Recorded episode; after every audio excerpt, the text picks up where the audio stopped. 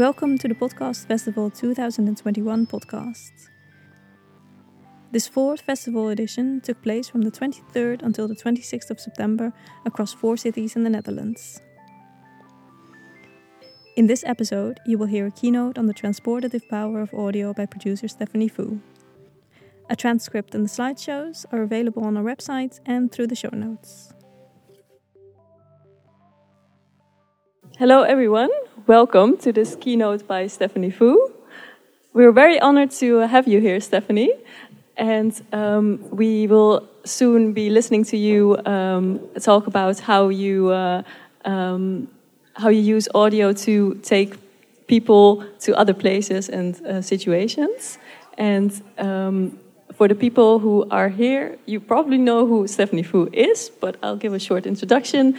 Stephanie is a, a, podcast producer. She has worked at Snap Judgment and at This American Life, and recently she also finished her novel, her uh, debut novel. Is it a novel or a book? It's a no. book. Yeah, sorry. um, I forgot the title as well. I'm sorry. What My Bones Know. Yes, and it will be published in February. Yeah, it's a um, memoir about healing from complex PTSD. Yes. Okay. Well, I'll uh, give the floor to you. Okay, great. Thanks. Thank you so much um, to the podcast festival team and Lieven. I would love to be here with you um, today, but sorry, is there? No, it's okay. Go ahead. Okay. um, but I'm still really glad to be here with you via New York. Um, let me just share my screen really quick.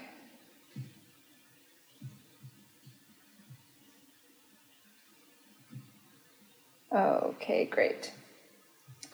Um, so, 11 years ago, back in 2010, This American Life was actually the first podcast I ever heard. My friend told me she wanted to listen to it during a long drive after college, and I told her not to put it on I don't like news radio. I said, I was thinking of the local traffic and weather reports I heard as a kid, and uh, I said, it's too boring.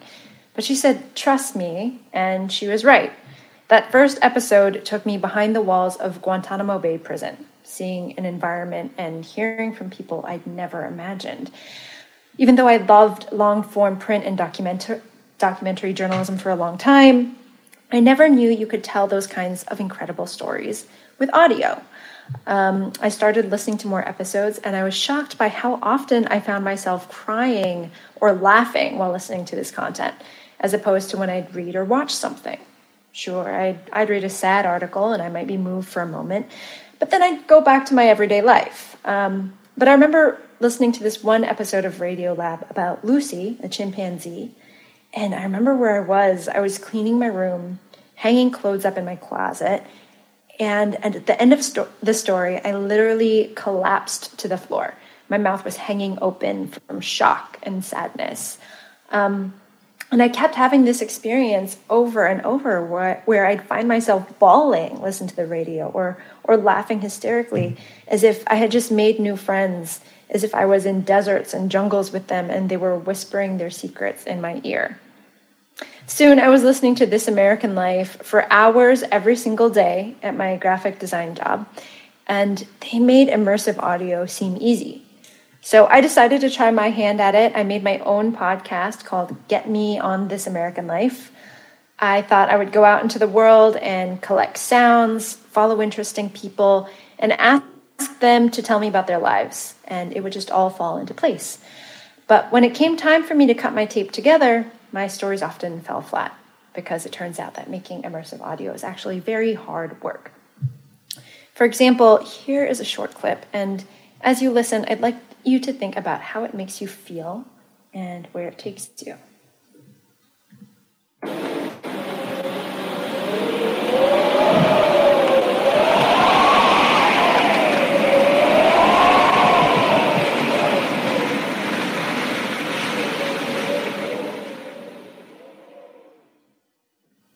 So that is some very live sound effects, right? But do you feel like you were transported by that audio? Like for me, I would say no, not really, right? Because it doesn't immerse you. it was missing context, it was missing story. I didn't know where it was, what I was seeing out of the window as I'm hearing that sound. Um, now, that was actually audio of the wind of Hurricane Sandy hitting Connecticut.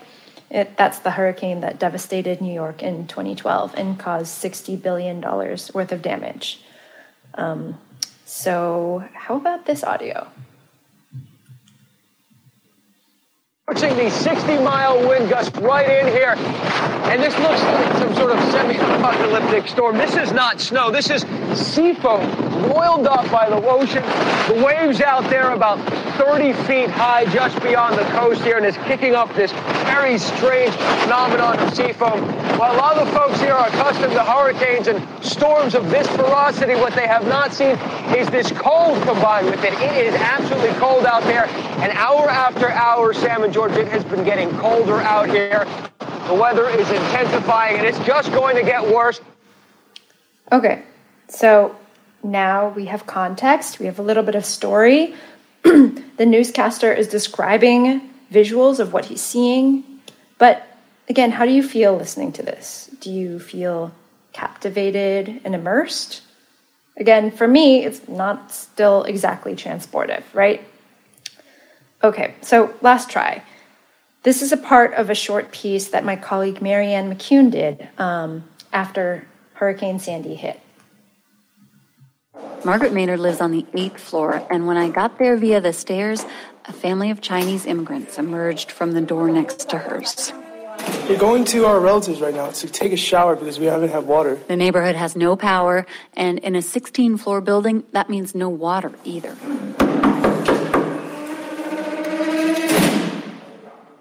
Margaret?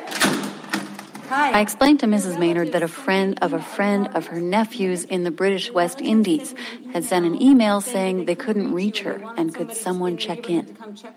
Okay, so far. We no, no water, no. Do you want to call your relatives on my phone? Okay. Wearing slippers and layers of house dresses and sweaters, she says she's fine despite the fact that no one has checked on her until now. I'm 87 years old. She has a radio with batteries. She's been eating crackers and orange juice and has other canned and boxed foods. But she's wondering what happened to the ham she thought was in her fridge. Let me get a phone book. When the power went out Monday, so did her phone. Since then, she's talked to no one. She shuffles through the apartment looking for her phone book so we can call her relatives. You want me to look in the fridge for the ham while you're looking for the brown book? Okay. You don't see no ham in there, right? I didn't see any. Your refrigerator smells a little bit like things are starting to go bad, oh, too. God, I'm ready. We try her sister in Brooklyn, but the call doesn't go through. Really? Wait, not yet. So she gives me a number in Harlem, her best friend, the maid of honor in her wedding 60 years ago. Oh, it's ringing. Hello? Doris, Yes. um, uh, there's a reporter from the news helping me out here. Bernice was trying to get you. They, they, they can't get me because I, I don't have no phone, no light, no nothing. So what you gonna do now? What I can't do, can't do nothing. The two start to go back and forth, arguing about whether Mrs. Maynard should leave. I can't come down the steps because all the lights are out and whatnot. What am I going to do? Uh, you know, I can't walk too good. But you can't stay there like that, Margaret. Yeah, that's okay. Oh, Lord. I don't want to go no shelter. Listen, stop being hard-headed. I ain't hard-headed. She says she's fine on water, fine on food. The only thing she's worried about is figuring out a way to flush the toilet. I go to flush it. I don't want it to flow, overflow now because that'd be another mess. That would be another mess. Mess. I, I'm not complaining. Some people worse off than I, you know. I say goodbye, thinking I'll go to the senior center to see what they can do. The stairway going down is black. You see nothing if you don't have a light, and the people going down ahead of me don't. Everything okay? No, because we don't have no light. Do I have my phone for a flashlight. I can come down with you Okay, guys. can you come Yeah. first?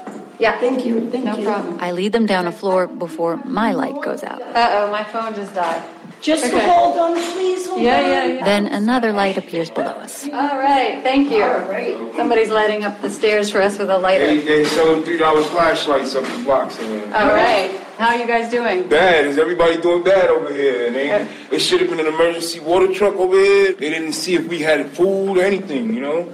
the supermarkets don't even really want to sell anything. Let's see, is this the exit? Once outside, Candy Silva explains she and her son just moved here from a homeless shelter in the Bronx. This is her first day out since the storm. We have to get a cab so he could take us to the bank and then we get some money. This is really frustrating. This is really bad. I'm so scared. And we just moved here a week ago. I gotta go now. So, listening to that, I'm assuming you had a few more feelings than the first two pieces of audio. Um, that wasn't that was transportive, even though it didn't have the sound of hurricane winds. It had something more valuable: high quality storytelling, stakes, and human emotion. So, one of the superpowers of audio is that actually it hides people's faces from you. It keeps you from judging what they look like, and instead just gives you raw, unfiltered feelings in sound form. Um, without video, undistilled by images or fancy writing, feelings, desperation, fear, or joy is just pure. In this form, they are so identifiable, um, so empathizable. It's what catches you by the throat and really pulls you into what you're listening to. There's a lot of audio that doesn't quite do this. There are plenty of podcasts today about your favorite football team or about your favorite TV show, podcasts giving funny advice about sex or two celebrities chatting together. You're not really transported when you're listening to someone talk about the difference between stocks and bonds. And that's not to say that these podcasts aren't great. They can be entertaining and informative. But today I'm going to focus on teaching you how to make truly immersive audio. And the process of making it, of making sure each story contains sound, storytelling, and feeling, that can be pretty tricky. It can be a lot of work. And the process begins long before you take out your microphone and leave your house. It starts at the very beginning when you're just envisioning the story in the first place. So, first, I want to talk about a few key ingredients um, that this audio truly had going for it that you actually absolutely need for a transportive story, which are conflict, characters, consequences, and action. Um, so I'm going to go through these. I want to talk uh, a little about conflict. Um, so I like to see all of my stories as little movies. Even though film is very visual and radio theoretically is not, I actually don't think the two mediums are that different. And I'll make a few comparisons between the two as we go on today. So, first and foremost, all the best movies, as you can see here, are made out of good conflicts. So, why should we expect less of radio stories? I often think before I begin pursuing an idea, would this make a good movie? One time at a conference, I had someone raise their hand and say, I write about restaurants. How can I introduce conflict into my stories? And I said, That's easy. There's conflict in every room, population, family, as long as you dig deep enough.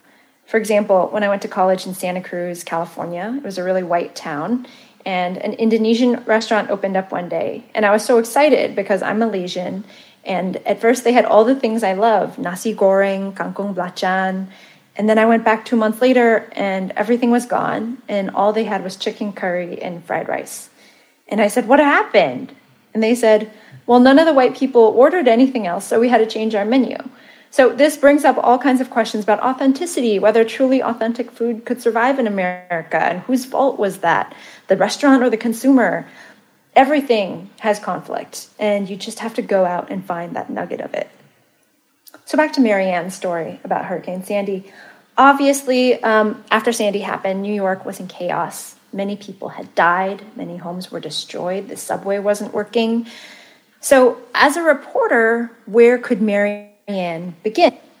She could just walk out with her microphone into the middle of everything and try to get some audio, and maybe she would capture some moments of chaos. But because she's a really great reporter, she knew it would be richer and more immersive if she could find a very specific conflict and go more deeply into that.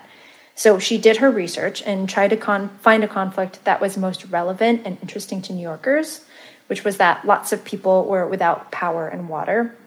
She also got lucky. WNYC, the local radio station, got a call from someone saying that they didn't know what had happened to their elderly grandmother. They couldn't get a hold of her, didn't know what to do. So Marianne immediately thought, well, that's a built in conflict, right? Nobody knows if this woman is okay. They're scared. So Marianne could check on her and see. And see what was happening in the whole building as well. Which brings us to our next point characters. So Marianne met Margaret Maynard, and we're lucky that she's actually a great character. She's 87, trying to stay optimistic.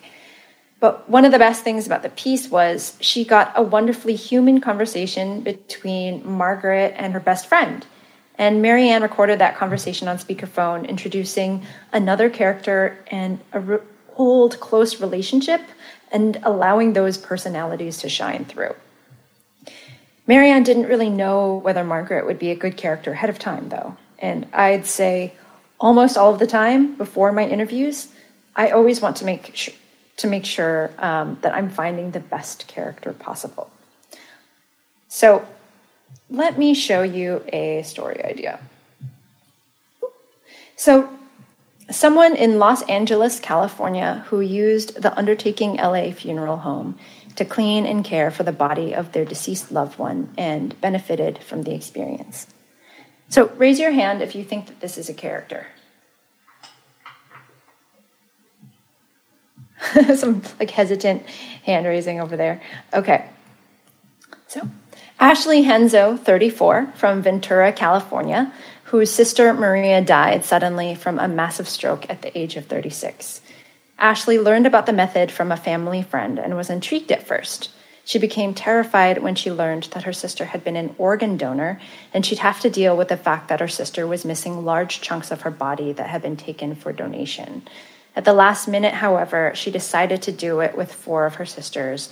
And despite the horror of seeing parts of their sister missing, they still found the experience incredibly cathartic and meaningful. Okay, now, is this a character? Yeah, right? So, as you can see, concepts are nowhere as near as interesting as people and feeling, right? So, this is what you're supposed to be basing all of your story intuition on. I often get pitches from people saying, Oh, this is going to be a great story about systemic racism, or this is a great story about failures in our medical industry. And a lot of the time, I'm like, Okay, that's great, but who are these people? What are the critical moments of drama that are going to make them seem like real humans? Human feeling, again, is the thing that takes something from just sound to something that grips our attention, leads our hearts into it, makes us laugh and cry. You can have all the best recording equipment and Pro Tools plugins and the best composer, and none of that will matter if you don't have that. So, of course, to get this level of detail, right, the Ashley Henzo level of detail, which notice also has conflict and stakes, I would have to do a lot more legwork, right? Um, I have to go online and I have to see what's been said about this topic so I can make sure I'm actually saying something new. I'm going to be reaching out to a lot of people who are planning on cleaning their loved one's body or people who had done it in the past. And I'd be talking to all of these people because I'd be searching for the best talker. So, what is a good talker? So, now, I don't know if you guys know who these guys are. This is Gilbert Gottfried, aka the voice of Iago the parrot in Aladdin, and James Earl Jones, aka Darth Vader. Um, but the timbre of voice, that's not what I mean by a good talker. Um, in, under, to, in order to understand a good talker, first I will play you a bad talker. So here's a not great talker talking to a reporter named John Nielsen about avian flu in zoos. Zoos are part of the community in which they exist, and that community either has risk, has risk, or does not have risk, and there's no difference within the zoo boundaries than with outside the zoo boundaries. So, I don't know about you, but um, that was only 15 seconds long, and I got bored about three seconds in. Um, so eventually, John Nielsen tries to push his subject to be better I mean, no, no. Here, look. I'm. I told you this already, but I'm. I'm at the end of the bar. I'm really drunk. Uh, I want you to make this point. I want you to hold my interest. But I, you know, I am a real dumb shit, and I'm going to follow and get a hematoma if you don't give this. So I love that. And it did work. The interviewee was slightly better the next time. But um, what I would do is I'd probably try to get this person on the phone before I went to the zoo and figure out okay, this guy's not a great talker. Can I talk to someone else on your staff when I visit? So, one time when I was calling around doing pre interviews, um, I got this guy on the phone, Russell Stuckey. Hi, Mr. Stuckey. Hi, are you Jennifer? Stephanie. Stephanie, I'm sorry. Close enough. Come on. You're the first China lady I've ever met. China lady? China lady. okay. So he's a little too candid, to say the least. Um, but here's a little bit more of him. They have no character. That means they have no guts. They have no guts, no character. They lack courage. No balls at all. And he, should I say balls? Anyway, I'm, I'm old school. If I got something to say, I'll say it to your damn face. That's just the way it is. And you see these scars on my face? A lot of times people don't like that and they'll punch you. But that's their opportunity. And that's the way you do business in this life. You say it to their face. So you can tell in 20 seconds that this guy is going to be way better interview than the other guy. Um, he's naturally funny. He's friendly. He's got an interesting voice. He isn't afraid of the microphone. Um, so he's talk- talkative and unafraid to show off his personality. That makes a good talker. So now, next, I'm going to play you a great talker. This is Michael Petrie. He was a soldier in Iraq, but when he came back, he really didn't talk much about his time there because his civilian friends never understood. So, this is him talking about the first time he was actually honest with one of his friends about what he saw at war. He'd read an article about the, the recovery of bodies on the battlefield. And he wanted to know about how that worked. So I told him how that worked, how uh, if there's a dead body, what the procedures are for removing them. The details of those types of procedures are horrible. And so I told him one of the things you have to do sometimes is post a Marine with a rifle to shoot dogs who are coming to try to carry away pieces of your dead friends. I told him that. And, uh, and it was fine. And I realized it was fine. And then I could talk to him. What made it fine? what Brock did that was so important and so good. He um, he didn't say anything about it. He just looked me in the eye um, until I was done. He was signaling that he was willing to listen. Yeah, and that he wasn't, but and that he was not, because when you see a monster, you look away. But he just kept looking at me in the eye.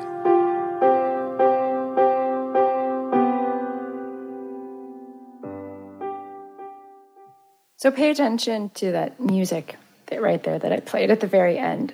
I'm going to come back to that later. So, what's great about Mike, obviously, is his vulnerability, his emotion. I saw all of this on the phone with him beforehand how he wasn't whiny, he was self aware. A great talker is willing to go along with you if you push them to philosophize more about their experience. Um, so when you call a character up ahead of time for a pre-interview, um, and they seem cagey and not self-aware on the phone call, they will likely be cagey and superficial in the interview. Sometimes it takes 10 minutes to know someone is the right talker. Uh, I knew that Russell and Mike were amazing almost immediately, and I actually had to tell them to shut up so I could interview them in person. Um, but sometimes I'll have people on the phone for an hour before I figure it out. Again, all of this that we're talking about is happening before we've even taken our microphones out. Um, so, this is my last step before heading out into the field. Um, we have to plan for our action. So, we have to first make sure that we have real plot points a beginning, a middle, an end, events, one happening after another. Um, any stories that are more like one thing happened and I have a lot of reflections on it, not actually a story. This is not to say that reflection isn't important, but the structure should be event reflection, event reflection, and the events as well as the reflections should be surprising. Second, we should really make sure that we can make our scenes as alive as possible. So, after Trump got elected at This American Life, we were very curious as to what soldiers thought of their new commander in chief. So, obviously, I could have just gone to a military base and I could have stopped random soldiers on base and asked them, So, who did you vote for? What did you think of Trump? But instead, uh, we chose to bring in two soldiers who were best friends who served in the same unit. But one of them voted for Trump and the other one voted for Clinton. So I took them to a diner, bought them pancakes and whiskey, and I had them hash out what they thought would happen next. So this is a small excerpt from that piece. And the morning after the election, Chet texted Tom. I say, Hey, you doing okay, Tom? Didn't have an aneurysm, did you? I go, I'm practicing meditative breathing, preparing for the end. So then I respond, Haha, it'll be fine, buddy. I saw this coming. So, and this is where I say, So did I. That doesn't mean it's going to be fine. They both think that under a Republican, more money might come into the Army. Maybe their unit will get more money for training, for supplies. But then there's the issue of the recruits. Most recent numbers I could find in 2008, 65,000 members of the armed services were immigrants. Chet and Tom's unit is really diverse. And Tom's worried that that could change, that fewer people would sign up to be in the U.S. military as a path to citizenship. You're looking at what I don't know how many soldiers I've met that still weren't American citizens. But he's and, talking a very small joining, minority. No, so your fear they don't get is citizenship because your fear is, is that we would get less of those people that would be invested in the, in America if Donald Trump is president. Yeah, saying all right, you know what this this isn't worth fighting for anymore. They don't care about me, and there's I'd have a lot more faith in them to vote for the next president or to participate in the American process than a lot of people that were born in the United States. Yeah, I do too.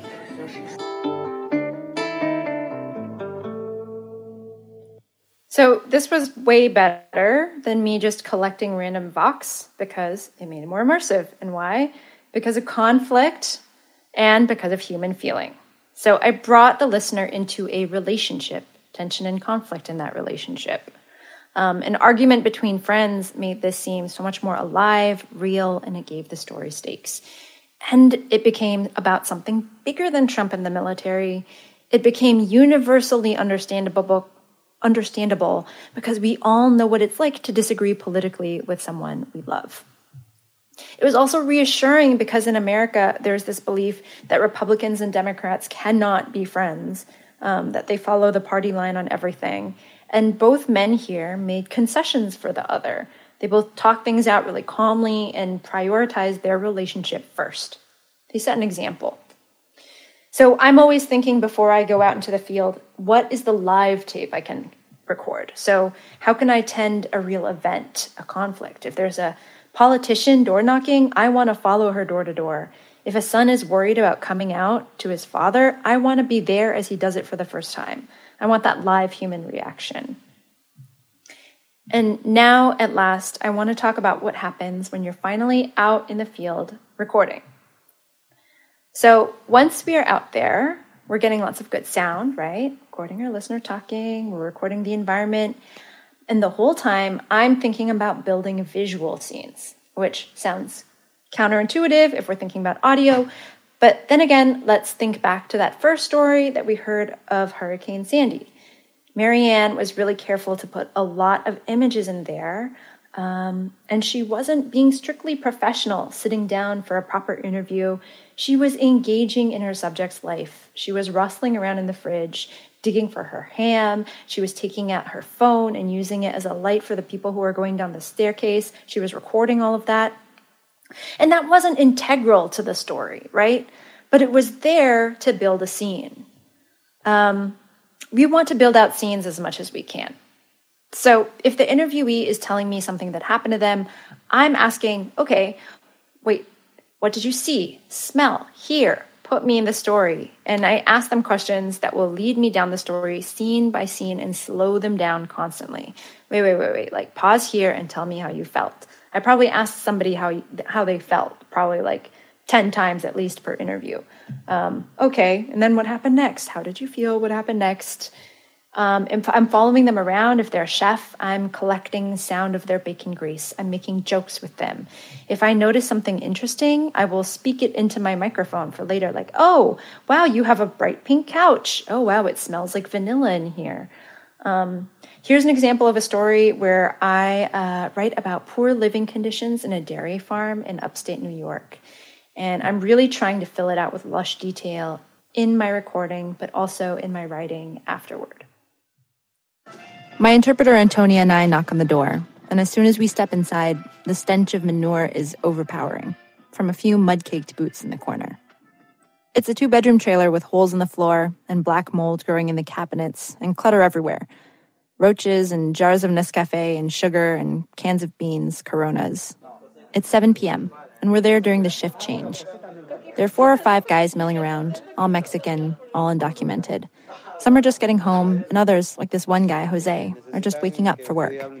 Jose's shy, but he smiles a lot. He shows Antonia and me where he sleeps.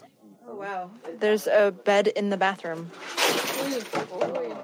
Jose lifts up the bed's mattress and a wooden plank underneath, knocking over a jar of change. And. Oh. Are you in the bathtub? Sí. Muy bien, porque si me quiero bañar. He joked that if he wanted to take a bath, he could just lift up his bed and get in. His bed is a wooden plank placed over the tub. There are a couple of pillows shoved over the faucet so that the knobs don't turn and flood the tub while he's sleeping. It's happened before. Here, at any given moment, somebody might be in the next room bumping the black eyed peas off YouTube and singing at the top of their lungs. Here we come, here we go, we gonna rock, rock, rock, rock, rock, easy come, easy come. This is a guy named Antonio singing. He got really excited at this part because he knew the days of the week in English. Monday, Tuesday, Wednesday, and Thursday, Friday, Well, most of the days.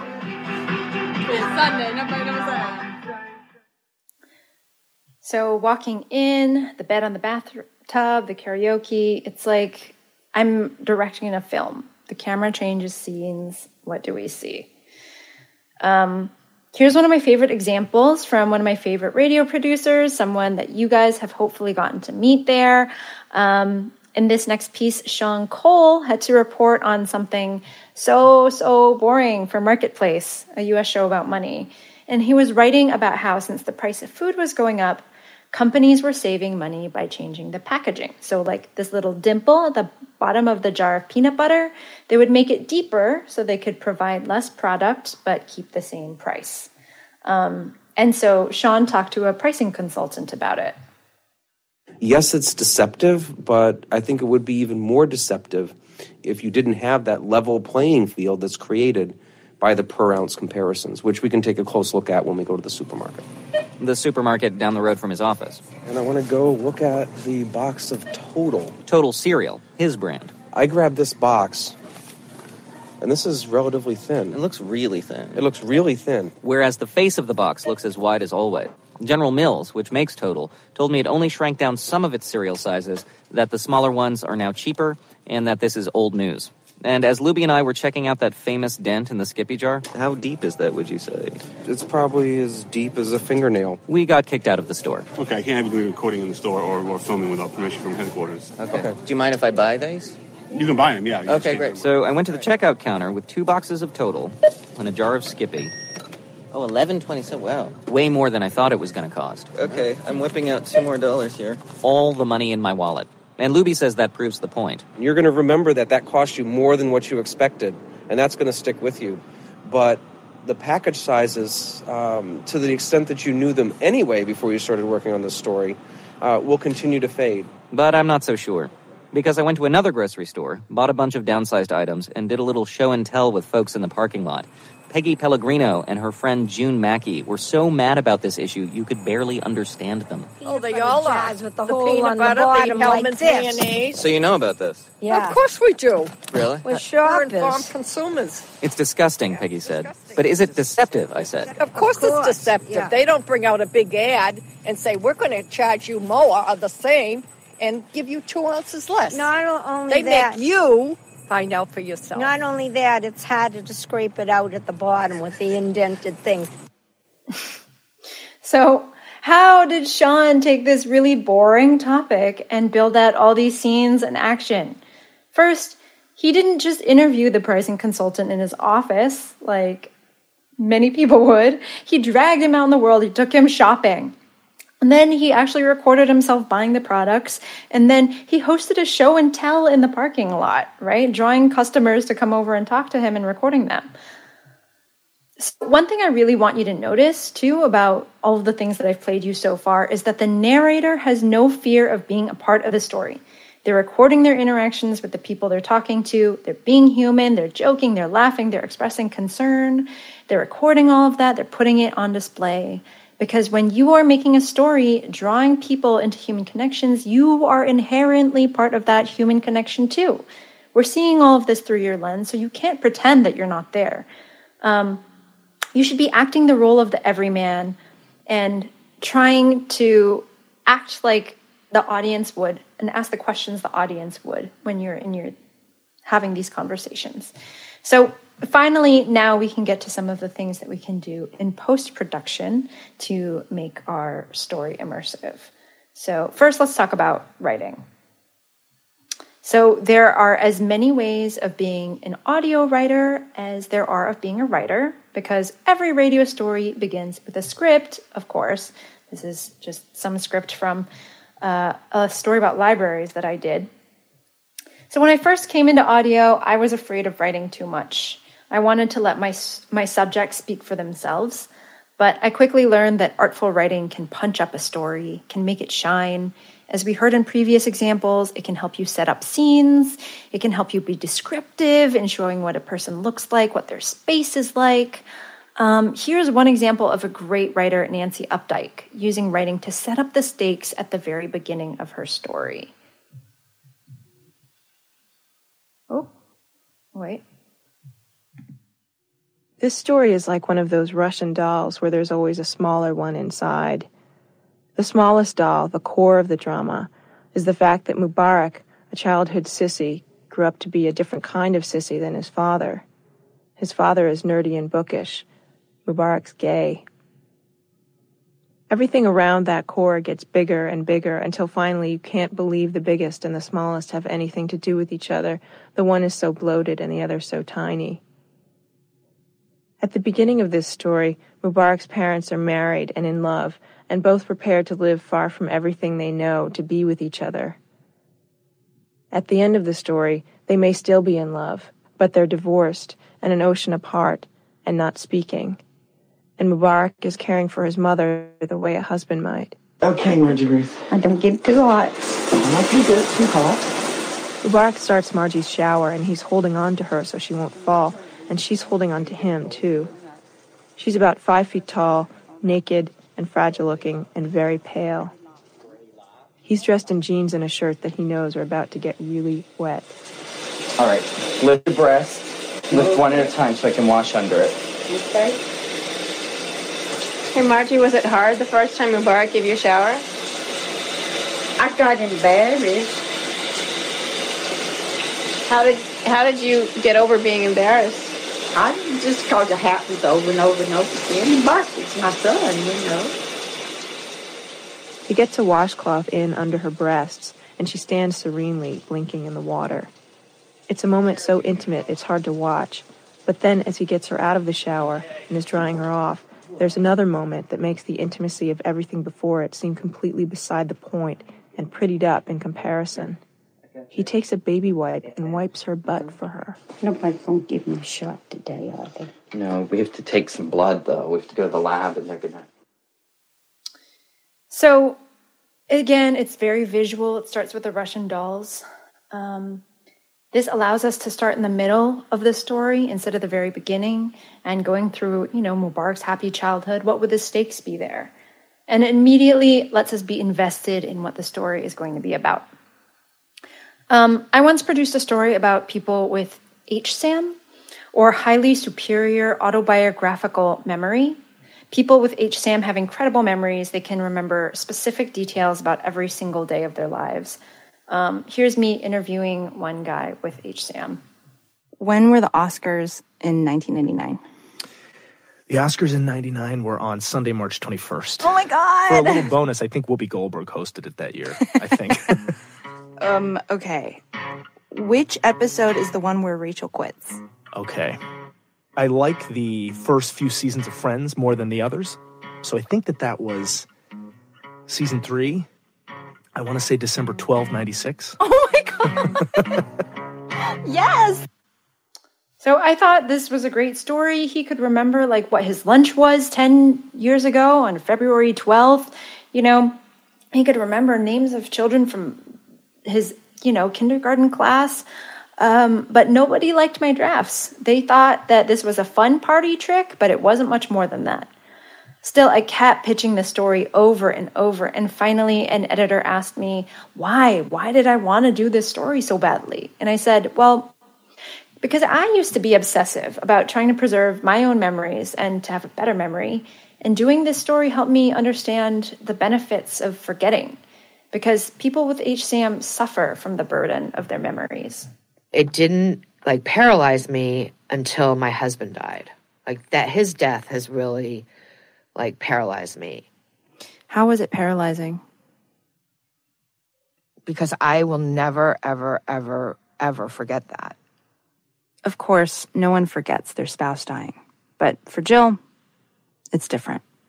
I am still in March of 2005. Um, and my editor, when he understood what this meant to me, he immediately said, Yes, okay, this is how you have to story, have to start the story. I pushed against it at first. Um, I didn't want to write myself in these people's stories. But he said, No, you have to help us understand why this is so interesting to you by explaining your own experience. Um, I had to explain why this story made me feel something significant. Uh, so I began my piece like this. I have several large, unwieldy boxes stacked in corners of my apartment. I almost never open them, but I've schlepped these boxes to the 12 tiny apartments I've lived in in the past decade. They're full of notebooks, external hard drives, thousands of sheets of paper, photographs, VHS tapes, full of all my memories, starting with journals I wrote when I was five years old. The idea that there are whole weeks, even months of my life that have just disappeared into the abyss of forgetfulness is horrifying to me. If I can't take these memories with me to the rest of my life, then what's the point of even living them in the first place? To hold onto the past, a couple times a month, I'll sit at my kitchen table, alone in my apartment, and I'll just start recording these long soliloquies about whatever. Here's one actual recording from February 24th, 2014, 11 p.m. A six pack of Corona and Pacifico is $11, which I thought was super atrocious. And so I tried to buy like whatever, like a four pack of cans of Corona cans. And he was like, oh, that's $9. And I was like, well, I might as well just buy the six packs. Because I'm sure in the year 2030, that memory is going to be helpful. So, all this to say that my obsession with my ever fleeting memories is what made me really excited when I heard about this condition called HSAM. It stands for Highly Superior Autobiographical Memory. So my editor was right. The story was way better this way. I don't think it's always appropriate or even appropriate most of the time to insert yourself in this way. Definitely not if you're like a white reporter covering Black Lives Matter or um, a man covering abortion. But sometimes, if you want to universalize a story, make it a little relatable, a little creative editorializing can help. So, once you have your piece all written, laid out, your final step is to add music and scoring. I once had a boss that would tell these crazy, uh, outlandish stories. So I added crazy, outlandish sound effects and music to them. Sound effects that could tell a wild, tall tale and make it somehow feel more real. So this is a clip from one of the pieces that I soundscaped most heavily.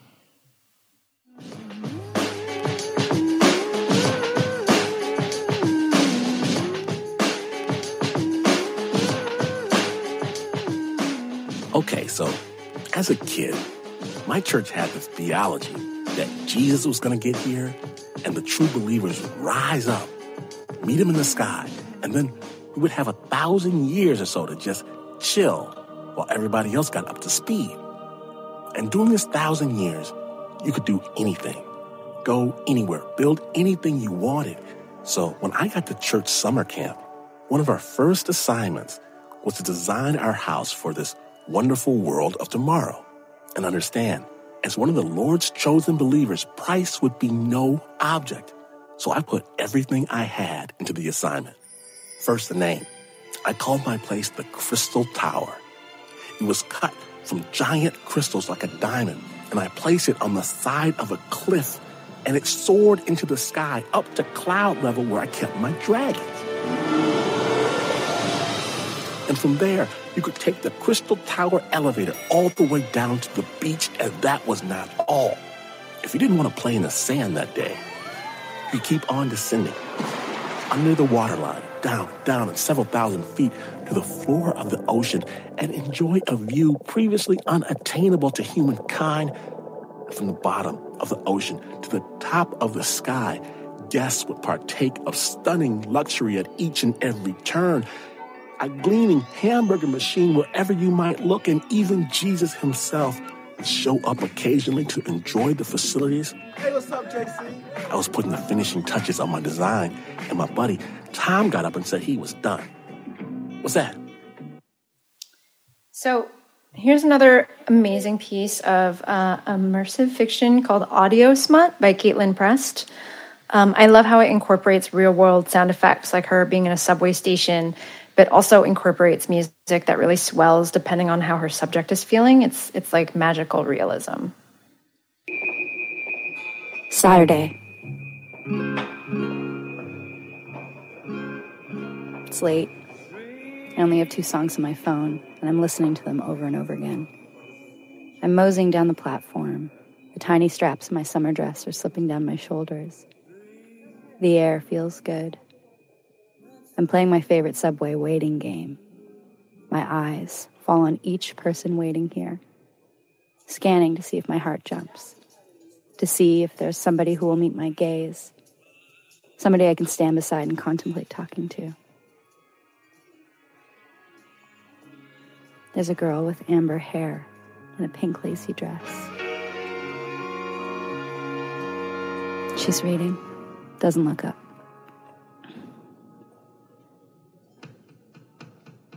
Clean cut drunk guy. Is he looking at me? Is he? Is he? All right, it's me. I look away. Mixed race andro girl with toque, ripped t shirt. Nothing. Dark curly hair, beard, tight jeans, scrappy t shirt. He looks. One, two, three. Four. He looks away. no prospects. Um, so compare the scoring on these to the scoring when Michael Petrie was talking about having to shoot dogs. My main piece for any piece of audio is that generally the sillier it is, the more you can do with it. And the more emotional it is, the sadder that it is, the more you have to dial it back.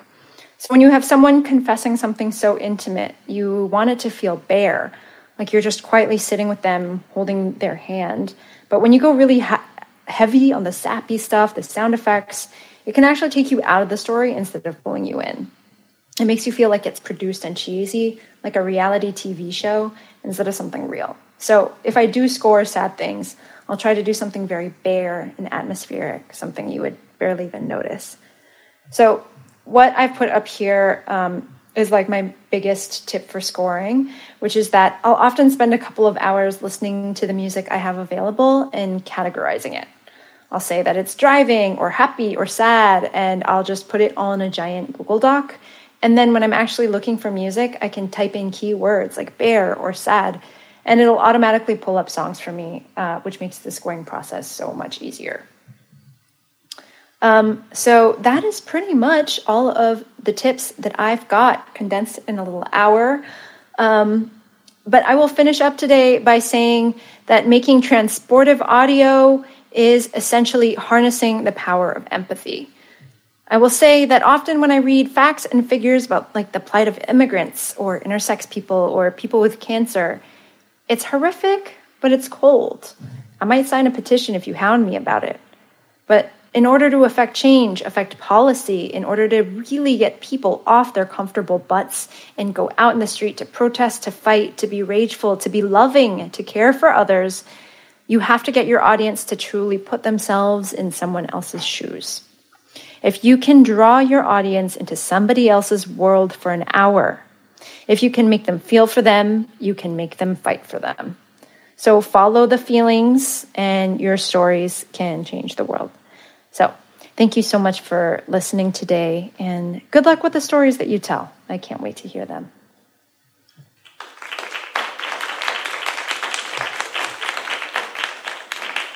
Um, I think we have a couple of minutes for questions.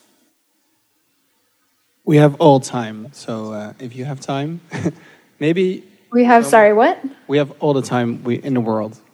Okay. I'm, I'm, it's, it's really hard to hear you. Oh, sorry.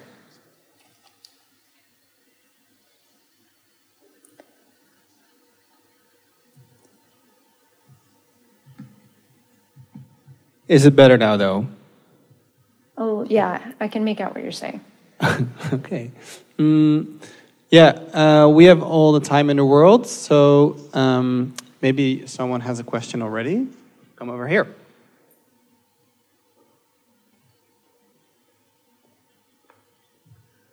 Hello. Hi there. What's your name? Hi, my name's Julie. Hi. Um, That was a great talk. Thank you very much. Um, and uh, I heard one of the, the stories. I think this is kind of like evidence of how well this works. I just immediately remembered when you started talking about the migrant workers and the story about the guy who slept in the bathtub. I that immediately came back to me. I, that's just like a detail that apparently, you know, it works so well that it stuck with me. Um, and um, I was just wondering, just like sort of practically, because I just now listening back to it, there's so many super small details of like the Corona beers on the floor. Are you, while you're there at the moment, are you just sort of mumbling, maybe also partially into the microphone, little things that you might not actually? I'm, I'm, I'm, I'm assuming that you're not actually saying that to everyone who's around you, but maybe you know, like, oh, I might be able to use that for narration, or how does that work? How do you record those tiny, Sometimes tiny I do details? that if it's like appropriate to mumble it, or just to go around saying like, "Oh, I, I smell rot," or "I smell gasoline in the air," whatever it is. Um, but I also take a lot of pictures, um, so I can remember to describe it afterward. Um, just simple pictures on my phone, um, and also a lot of times right after I'm done reporting and I'm back in my hotel room or whatever it is, I'll just like make some quick notes on my computer about okay what that looked like or felt like. Okay, thank you. Um, Yeah, no problem.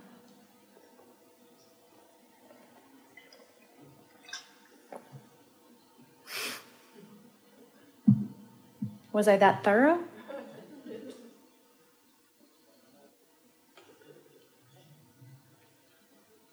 Hi, and thank you for Hello. your for your are you? talk. I'm good, thanks. Um, I've I'm I was wondering if there were things that you learned at This American Life, which, of course, the, the most amazing uh, show ever built, but also very like structured. It's there's there, there there's like certain tricks to the way that you tell stories that you learn? Are there things that you learned at This American Life that you would like to unlearn to do your own thing? Hmm. Um, I think that I was really lucky that I did not come, that I had another job before this American Life because um, I did work at Snap Judgment for four years th- uh, before that. And I had pretty much unlimited creative freedom there um, because we were all learning together, like my boss and the host and everything. It was all their first podcast as well. They had been making podcasts for like six months before I was. Um, so I think that there were a lot of things there that I wound up carrying to TAL and sometimes fighting for, and maybe in my own work sometimes um, try to preserve. Um, I think, like, when uh, my biggest complaint maybe is that um, This American Life wants all of the readers, when you're reading your narration, to have a very controlled, monotone voice as you're reading. Um, and I don't necessarily have that, uh, and I don't believe in that. and so they would always need to calm me down. I would be reading like this, like having my voice go up and down, like how I would regularly talk. And they would be like, no, you have to kill it, kill it, kill it. More, read more like this, like a monotone voice. And so that's definitely something, I don't know if I had to unlearn it because I hated it in the first place.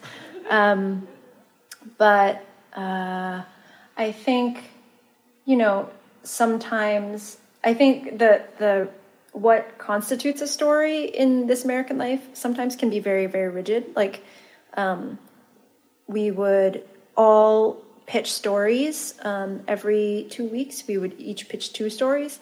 And so we would have, you know, maybe 30, 40 stories um, at a pitch meeting that we'd have to go through. And maybe two maybe well maybe five would make it onto our list of stories and then maybe two would actually make it on air um, which you know i do enjoy um, post this american life just kind of pursuing some funner stakes funner lower stake stories um, i know that they have like the highest most rigorous um, uh, framework in the industry um, and sometimes you just want to play around a little bit. Thanks so much. Thanks for your good question.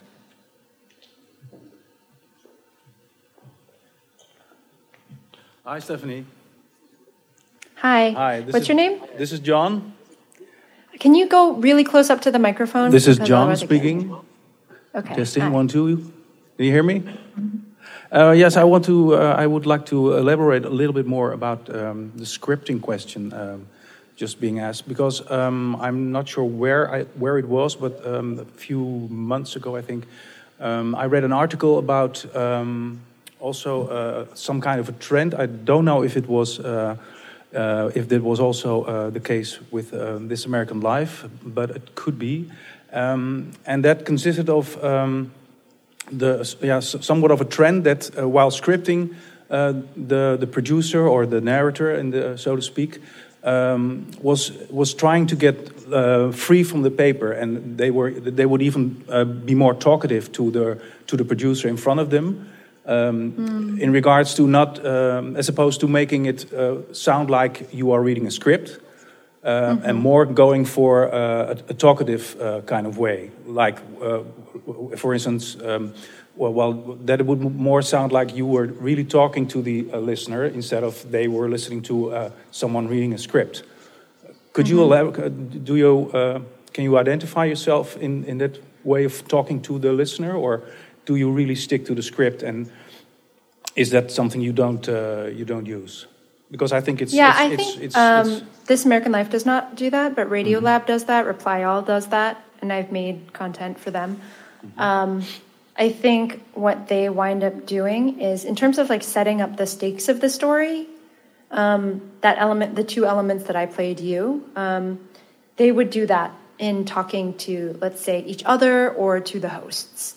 Um, and so what happens is they will like bring me as a reporter into uh, the room with the two hosts, and they will say like, even if the hosts already know what the story is going to be, they say, you know, repitch this to to the hosts and say what you like about the story, what's important to it, you Mhm. about it. And so I will do that for a little while. That is very controlled as well. The there's the uh, hosts are often like, okay, you didn't say that right. Go back and say it again. Um, and you know that can be an hour, and we cut that down to five minutes, right? Um, and a lot of actual, it winds up being kind of a combination between scripting and um, just operating off the cuff. Um, like there'll be a very specific outline of all the things that we'll need to cover. And then we'll just kind of riff off of it casually for a while. I think that can be a really, really great way of doing things. I do think that if you're doing like a pretty complex piece um, that needs to be reported, um, you do need to script it out. Yeah. Um, and so even those shows do have a combination where they do have air, parts of it that are completely scripted out that the reporter will just read. Um, I would love to see it happen in a way that is completely just conversational. I'm not sure. Yeah, well, that's I've the word. Yeah, that, that was the word I was looking for. The more conversational um, host uh, host approach. I think uh, as, as soon as I read that piece and I started listening to to podcasts, uh, I really could make the distinction. For, uh, like, okay, he's really reading a script as opposed to someone talking to me about the story and not reading a script per se. And and I Mhm. felt I felt immediately uh, more compelled to listen in because it was something talking to me. You, you know, you, I think that there are people too who are very, very good at reading, Mhm. who they can make it seem more So conversational. can like cut, cut, cut both ways, so to speak. People who are great at writing Mhm. uh, conversationally and reading conversationally. Yeah. I think that's a pretty key aspect too, is being able to write conversationally. Like everything that I write, um, I'm reading and saying it out loud the whole time that I'm writing it. Right. Yeah, exactly. Just to make Yeah. sure that it's natural, that it's normal. Um, I don't know if you guys have the transcript up for. Did you guys have the transcript up for my talk? Yes, yes, we do. No? Yeah. Yeah, we you, you did. Yeah. So obviously, I wrote that all, but Yeah. like I try to make it as conversational yeah, as right. possible. Yeah. okay. Well, thanks for the uh, thanks for the uh, the knowledge in the comment. Yeah, sure.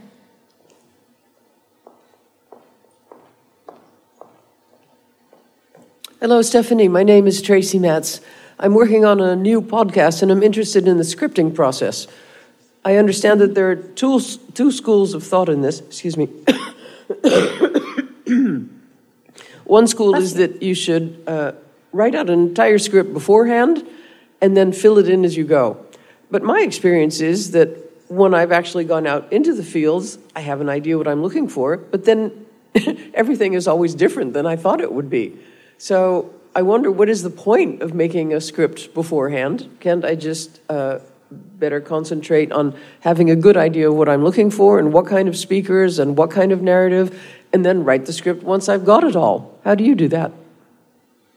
I'm, I'm not aware of this school of thought that writes an entire script for a piece before you go. I mean, is that basically like a like a It's a plan. an outline? Yeah, a plan. Yeah. a plan, a strict plan. Yeah, okay. In that case, not so much scripting then, but just like planning out the story. I think that with my talk, I think I would say that generally I am an advocate for planning out as much as humanly possible before going to the story. Of course, there's going to be surprises along the way. Of course, people are surprising. People are going to throw you off course, and there's going to be delightful little twists and turns. But I try to even bake that into the plan, you know? When I'm on the phone with somebody before I'm pre interviewing them, I'm having them tell me the whole plot of their story. So I know exactly what the plot points are. Then I know that, okay, I have to get. I have to get all of those plot points when I'm telling the story. I also know if I'm not on the phone with them, I don't necessarily know what their feelings are about all of those mm-hmm. things. So I might I'm going to investigate that in the interview, what all of their feelings are. Um, those feelings can sometimes be surprising and they might take the story in one direction versus another, but I should know actually at the very beginning generally what the end is going to be.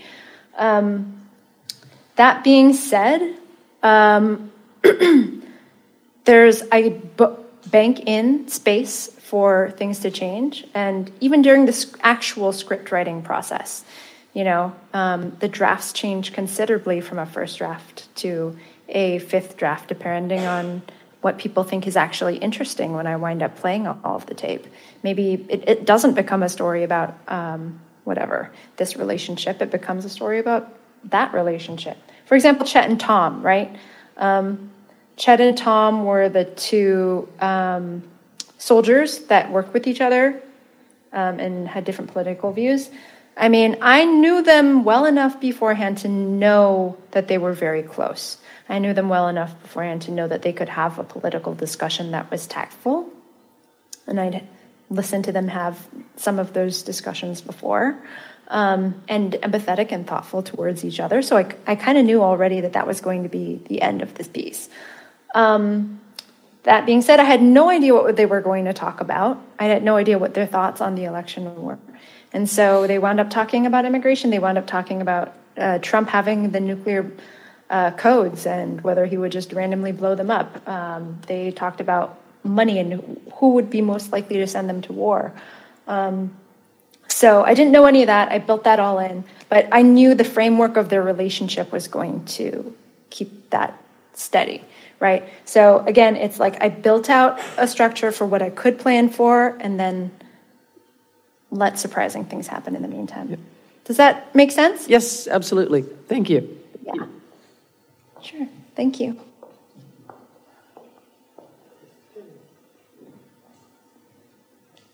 Hi, my name is Ilan. my name Hi, Ilan. Hi. Um, you said before that uh, you have a meeting uh, with like a pitch of 40 stories of This American Life, and only maybe like five make it through. Mm-hmm. And then I was wondering what makes a This American Life story a good story?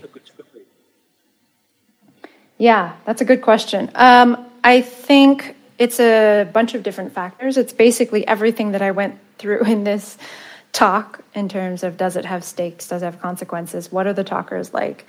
Um, in these pitches, it's I mean the pitch doc would be you know 150 pages because we would be giving out interesting details about our characters and giving direct quotes from our characters to give a personality of what they're like.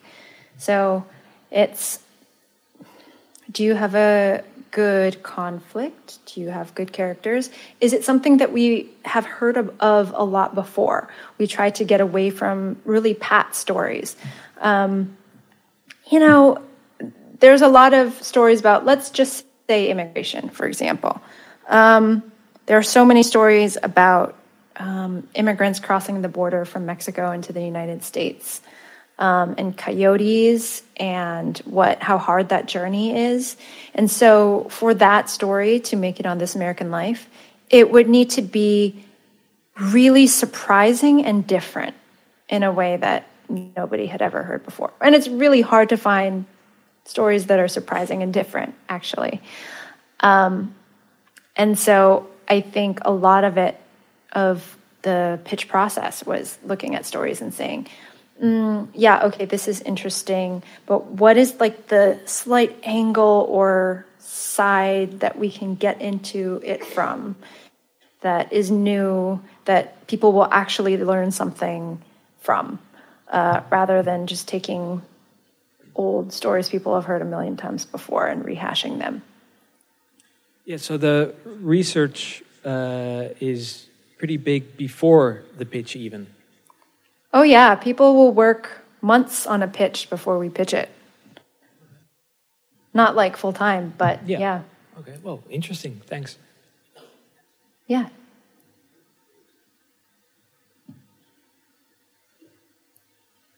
Hi, I have uh, one question because um, you talked about the monotone vo vo voiceover in This American Life. I have a question mm -hmm. about that because when I listen to This American Life, it does sound immersive and it does sound conversational. But now you said that, I was thinking, yeah, it is kind of monotone. But they all sound like Ira. Yes, they all sound exactly. the same voice as Ira, basically, and it's because he's directing people to sound like him. and well, he's conversational, but he's a very specific, very narrow form of conversational. Yeah. So, do you think um, what's the most immersive thing to do when you do a vo voiceover? How can you uh, use your voice or your tone of voice to be immersive? I think it takes a lot of practice, and I think it takes a lot of direction. I, I think that the the best thing to do is have somebody in the room tracking you, rather than just doing it by yourself. Um, though, like, I mean, I, I've been able to do some of that to this degree because I've been doing it for so many years. But I think the trick is to sound conversational, but also not sound theatrical. So you want to sound as much like you're telling the story to a friend as possible.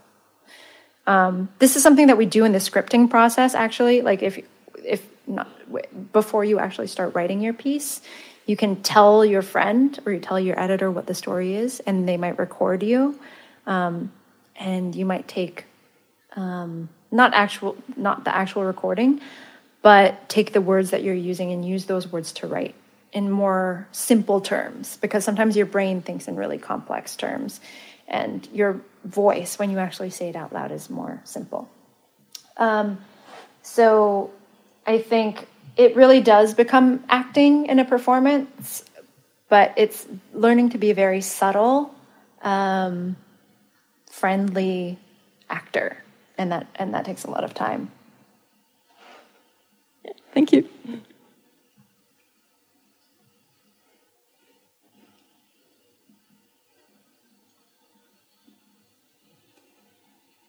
Sorry, uh, there was something that you said in an earlier answer that raised another question in my brain. Um, because you said, and I, I found it surprising that you know beforehand, like talking on the phone, all the plot points.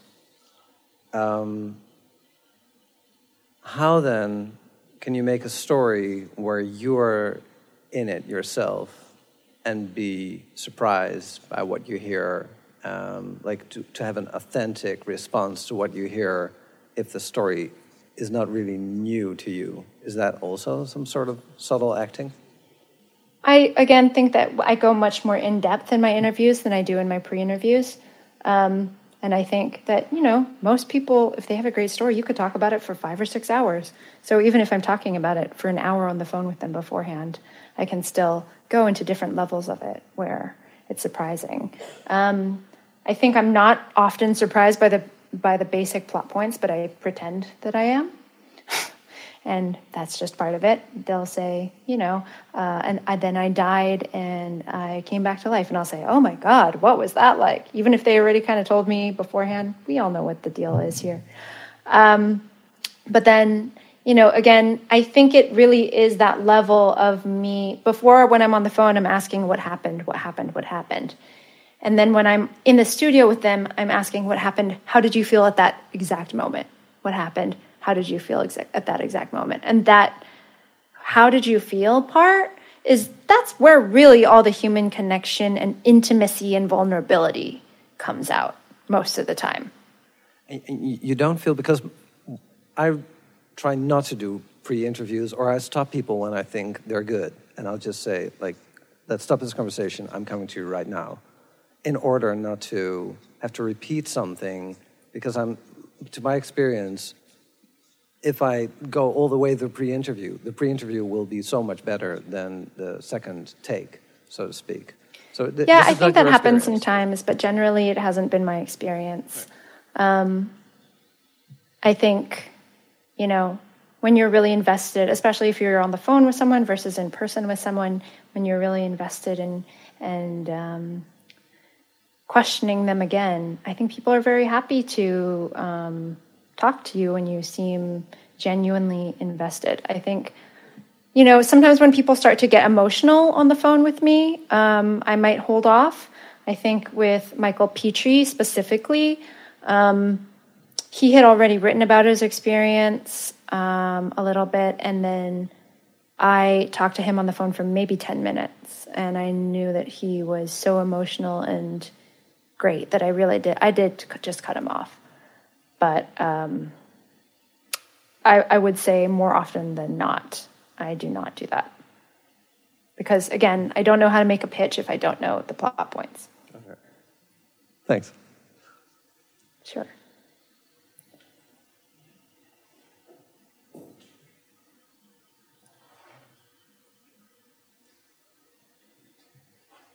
Hi. Hello. My name is Marika. Um, I was Hi. wondering. Um, hi. I can't really, I can't hear you at all. I'm sorry. okay. Hi. Can you hear me now? That's better. Yeah. Yeah, that's a okay. good angle. My name is Marika, and I was wondering, does um, telling non-great talkers um, that they can't be on an episode uh, play a role in your experience of your work? Oh, I'm sorry. Telling non-great. yeah so you authors? you you mentioned that you talk to a lot of people and you uh, select the Oh, best not great talker. talkers. yeah And your question is, Oh, so they don't whether that affects you whether uh, saying no to so many people affects you how you experience your job Whether saying no to so many people affects how I experience my job. Um,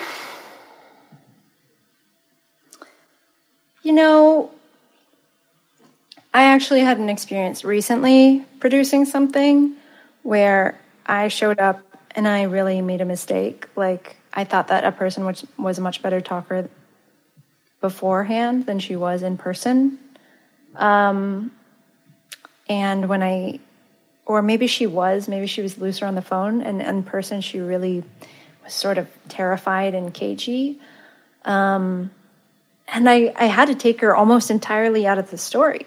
Like I only gave her one or two small clips, and um, so I think it's like almost I feel worse when I say yes to somebody who's not a great talker, and then I, I can't portray them well, or I have to almost take them out of a story entirely because they're not like sounding vulnerable with me.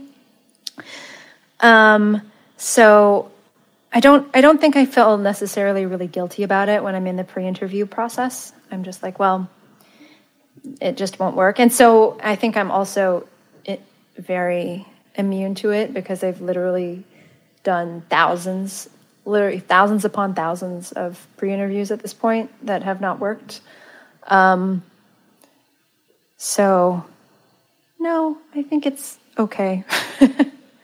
and um, sorry, then um, sorry, yeah. So does it? Does these thousands and thousands of pre-interviews that don't work for you, for you, and all the time you put into it, does does how does that feel for you? Um, I think that it is part of the work. It has been part of the job from my very from the inception. For me, I think um, I learned very quickly that rejection was part of this, re- and that rejection couldn't be necessarily taken personally.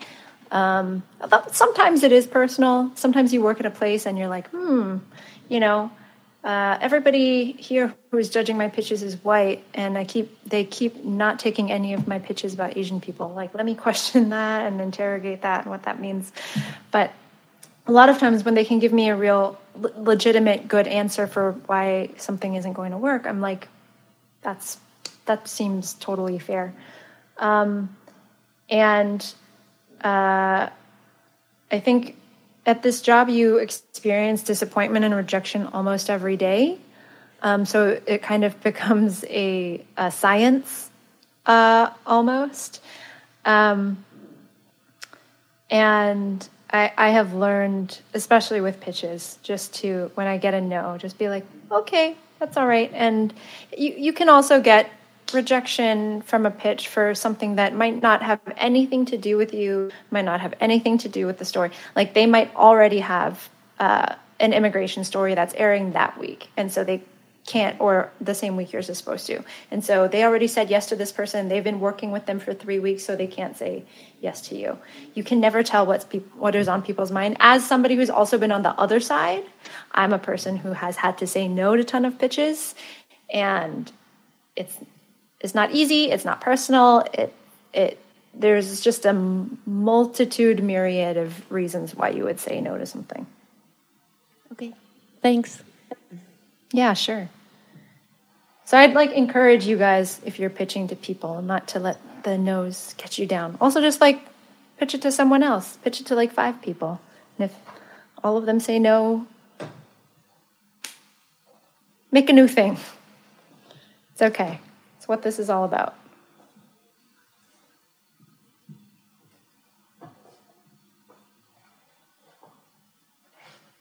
And if you ever pitch something to This American Life and it gets rejected, you know that we can send it to you, right? Special. so this is, I think, the last chance for questions. But I think people are tired. It's like ten thirty almost. So uh, yeah, I so just late for you guys. Want to thank you so much uh, for your great talk. Let's give Stephanie a hand, guys. Thank you so much for having me. So, um, any news on the passport yet? No, because it could take like up to half a year, right? So in half a year, can we get in touch with you to get you here next year? Yeah. Hopefully, yeah. Cool, because you still have the credit for the flight. So I think we'll should, because we really want to hug you now, but we can't do that. So, did you hear what I said? We really want to hug you now, but we can't do that. Oh, so oh, that would be really great. I wish that I could do that. we should too. do that in the future. And um, I you always, so much. usually, I would stick around and like talk to everybody. Yeah, actually, Sean's going to someone to a music festival tomorrow with someone he met here today. So, what?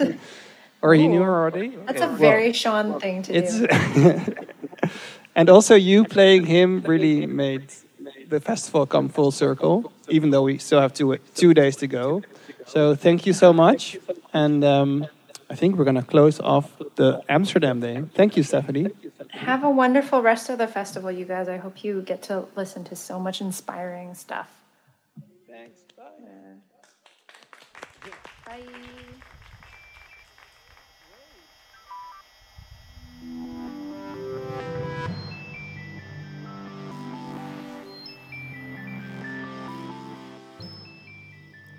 The Podcast Festival 2021 is an initiative of the Podcast Netwerk en was made possible by the Creative Industries Fund NL, Fonds 21, Prins Bernhard Cultuurfonds, the European Cultural Foundation, the Dutch Literary Fund, the municipalities of Nijmegen, Utrecht and Groningen, and the International Visitors Program of the New Institute. The program was presented in collaboration with Potgrond en Forum in Groningen, Tolhuistuin en RB Europe in Amsterdam, de Nieuwe Oost Wintertuin in Nijmegen, and the International Literature Festival in Utrecht. Thank you for listening to this episode, and thanks to the mysterious Breakmaster Cylinder for composing this year's festival tune. Please consider donating to the podcast network. You can find out how through the show notes.